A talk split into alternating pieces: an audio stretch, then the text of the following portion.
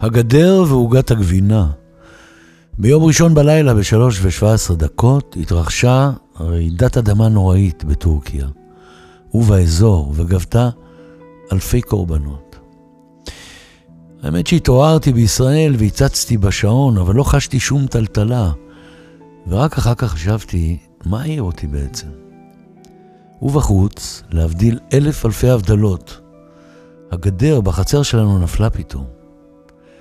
זה היה יכול להיות בגלל סערת ברברה, אבל אלכס אמר שמהמקום שממנו הוא בא, זה היה תמיד סימן למשהו, ושאנחנו זקוקים עכשיו לקור רוח כדי להגיע להידברות, לתיקון גדר ול game changer.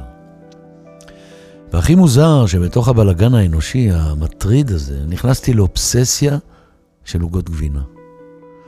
וכשהצעתי לבן הצעיר שלי לצאת למסע חיפושים בין הקונדיטוריות המובילות בעיר, צחק עליי וכינה את זה אקטיביזם גבינתי עוגתי. משמע, השתלטות עוגת הגבינה עליך ועל חייך. ואני נזכרתי שזה כבר קרה לי בנעוריי, עם אהבה לשירים. שירים השתלטו עליי.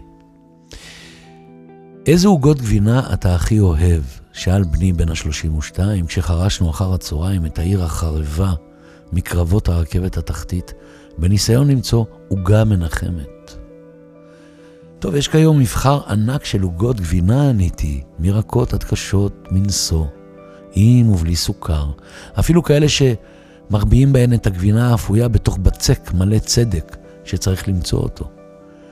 אבל אני השתוקקתי עדיין לעוגות הגבינה שאימא שלי הייתה עושה לנו עם צימוקים. אז נסענו וחיפשנו כאלה לשווא, וכשבאיזה מרכז מסחרי חצה אותנו ילד קורקינטוס, נטול זהירות, אמרתי בעצבים שמוזר איך כל מבוגר היה פעם בעצם ילד, כולל אלה שלא נראה עליהם. באחד הסרטים האיטלקיים, ולא לא זוכר בדיוק אם זה נס במילאנו או רומא של פליני, יש סצנה קורעת לב שבה אנשי העיירה מצטופפים כולם תחת קרן שמש אחת מרוב קור. הצטופפות כזו מגדירה למי אתה שייך במצבי קיצון. ואילו במצבי גדר אין הרבה מה לעשות, או להוריד אותה לגמרי או לתקן.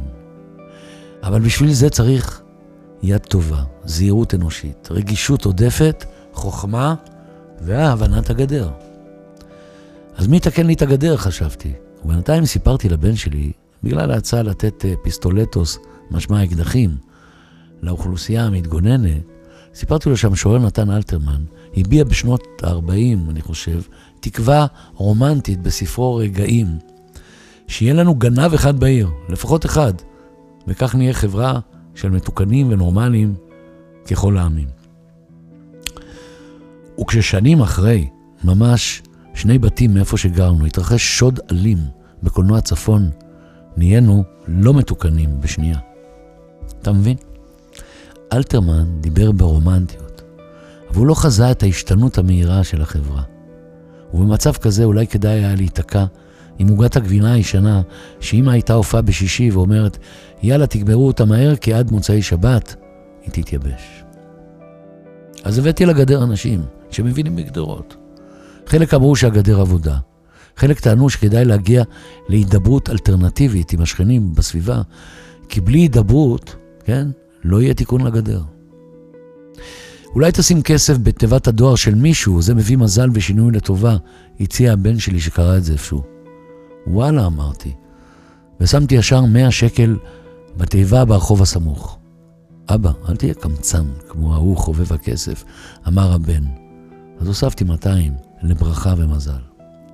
ואז הכל השתנה. טוב, לא הכל. רק העובדה שהבחנו מרחוק בקונדיטוריה קטנה וריקה, עם שלט העוגות הכי טובות ביר. כלומר, בעיר, העין תמיד חסרה. ונכנסנו, קנינו עוגת גבינה עם בצק צודק בטעם שמש וירח. ובעודנו פוסעים למכונית, אמרתי לבן שלי שהדבר הכי חשוב בימים אלה כשהאדמה רועדת, זה לזכור גם את הגדולה של הישראליות, שהייתה תמיד מלווה בסולידריות ובכושר המצאה בזמנים קשים. ושאסור לנו בשום פנים ואופן לאבד את הביחדנס הזה, למקרה ש... שמעת שפול מקארטני פרסם את הסיבוב העולמי האחרון שלו שקרא לו The End, כלומר הסוף? שאל בני. כן, שמעתי והתמלאתי צער, כמו הצער המוזיקלי, שתקף אותי כששמעתי לראשונה בגיל 16 את אלינור ריגבי, שהוא וג'ון לנון כתבו. אתה יודע, זמר כמו מקארטני מלווה את כל חייך, אמרתי. ומה זה עושה לך אבוק בתור זמר? אתה בכלל מרגיש את הגיל? שאל הבן, כי מבחוץ אתה נראה דווקא סבבה. אה, אני כבר בשלב שבו אני מחשב את צעדיי תרתי משמע. קצת נפרד, קצת פוגש, קצת חושש. לא בא לי כבר לקשקש על כל דבר עניתי. אבל מאידך הבוקי אמר בני, ואני אוהב שהוא קורא לי ככה, הבוקי, אתה עושה עדיין מנורה, היכלי תרבות, קיסריות, שוניז, והשבוע בנייני האומה מלא בירושלים. נכון, וגם זה נס במילאנו, או נכון יותר נס בירושלים, מלמלתי. שמע סיפור עדרי מקומם, עדרי מהמילה עדר, שישאיר אותך פעור פה אמרתי, וסיפרתי לו אודות אירוע שקרה ב-2001, כן, באוגוסט החם, על גשר הזיכרון בסיאטל בארצות הברית. וואלה, לא יודע איפה זה סיאטל, אבל בארצות הברית. והכל בגלל אישה שנמאס לה מהחיים והחליטה לקפוץ מהגשר הגבוה אל המים הסוערים. ובעוד השוטרים האמריקאים מנסים לעצור בדה, דווקא הנהגים האמריקאים שמיהרו הביתה האיצו בה מחלונות המכונית, יאללה, תקפצי כבר ונגמור עם זה. איזה מניאקים, מלבל הבן לאב. ומה היה בסוף? בסוף היא קפצה, אבל נותרה בחיים. מתוך ספר בשם האם שימפנזים חושבים על פרישה, מת יעקב בורק, או בורק, המבריק. תגיד, כל הסיפור הזה היה יכול לקרות אצלנו? שאל הבן. באמת שלא ידעתי מה לענות. פתאום מת פאקו רבן, מעצב האופנה הספרדי, הבסקי, הדגול, שחבר בשנות ה-60 לחברת פסמים שפיתחה את הבושם הידוע פאקו רבן, על שמו. הבושם שהריח לנו אז את החיים. כי מה לא עשינו אז עם פאקו רבן? בעיקר שפכנו על עצמנו כמויות והסרחנו את עצמנו ואת הרחובות והבתים בעיר. רק אחרי שנים, כשנמאס ממנו, השארנו פאקו אחד בארון ויצאנו לחפש בסמים אחרים. והמסקנה, שחוץ מהמהות והטעם בחיים, גם הריח נורא חשוב. טוב, איך טעם העוגה? שאל הבן שראה שאני מהסס. לא משהו, עניתי בכנות, אבל מצד שני, אתה יודע, שכל החיפוש הזה אחרי עוגות גבינה נועד לשמירת אה, יחסינו ושפיותנו בימים אלה, כאב ובנו. אחר כך נפרדנו.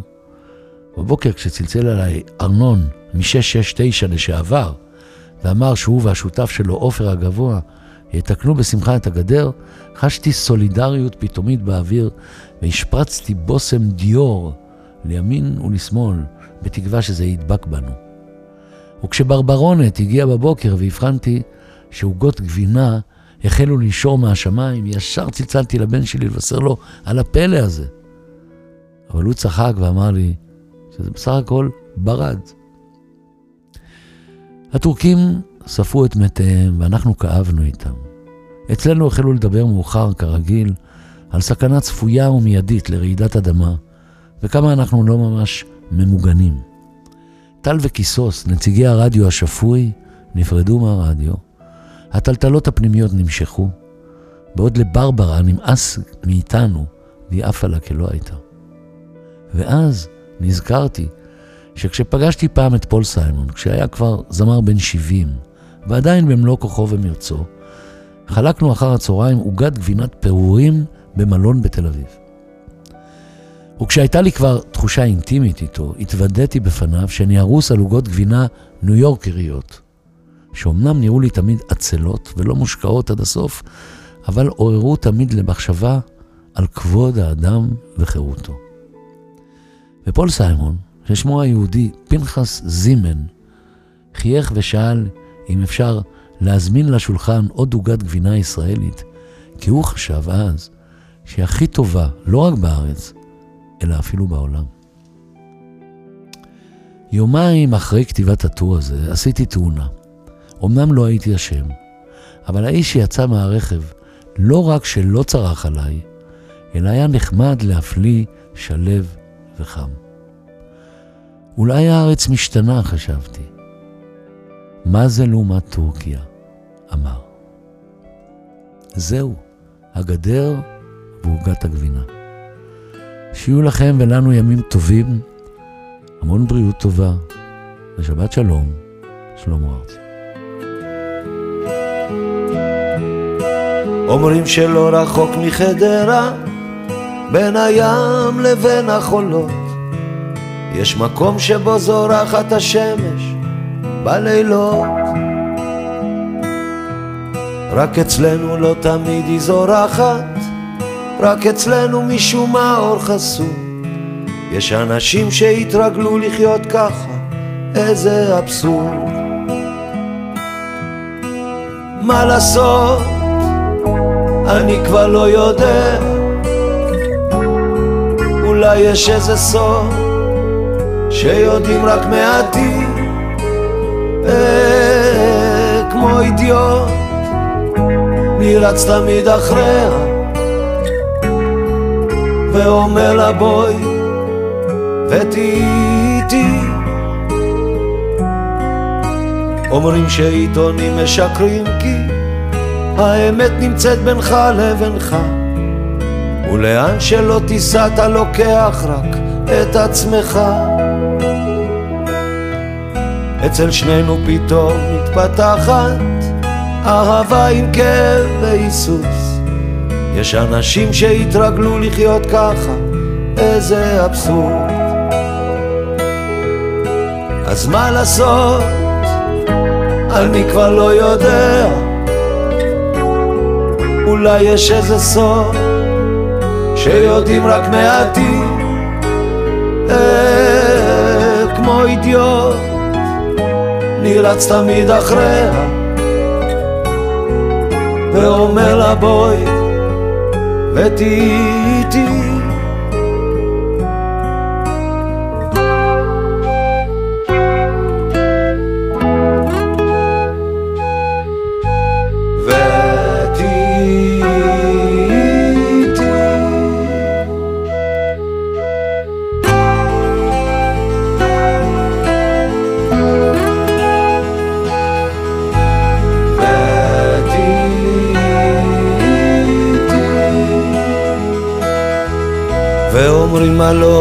על חיינו שהם קצרים וחסרי כל ביסוס. שאנחנו רק רבים אל מותנו איזה אבסורד. ומוזר איך בין שמש זורחת לשמש שוקעת בים. לא מצאו תרופה לנשמה הפצועה של בני האדם. מה לעשות? אני כבר לא יודע. אולי יש איזה סוד שיודעים רק מעטים. אה, כמו אידיוט נרץ תמיד אחריה. ואומר לה בואי ותהיי איתי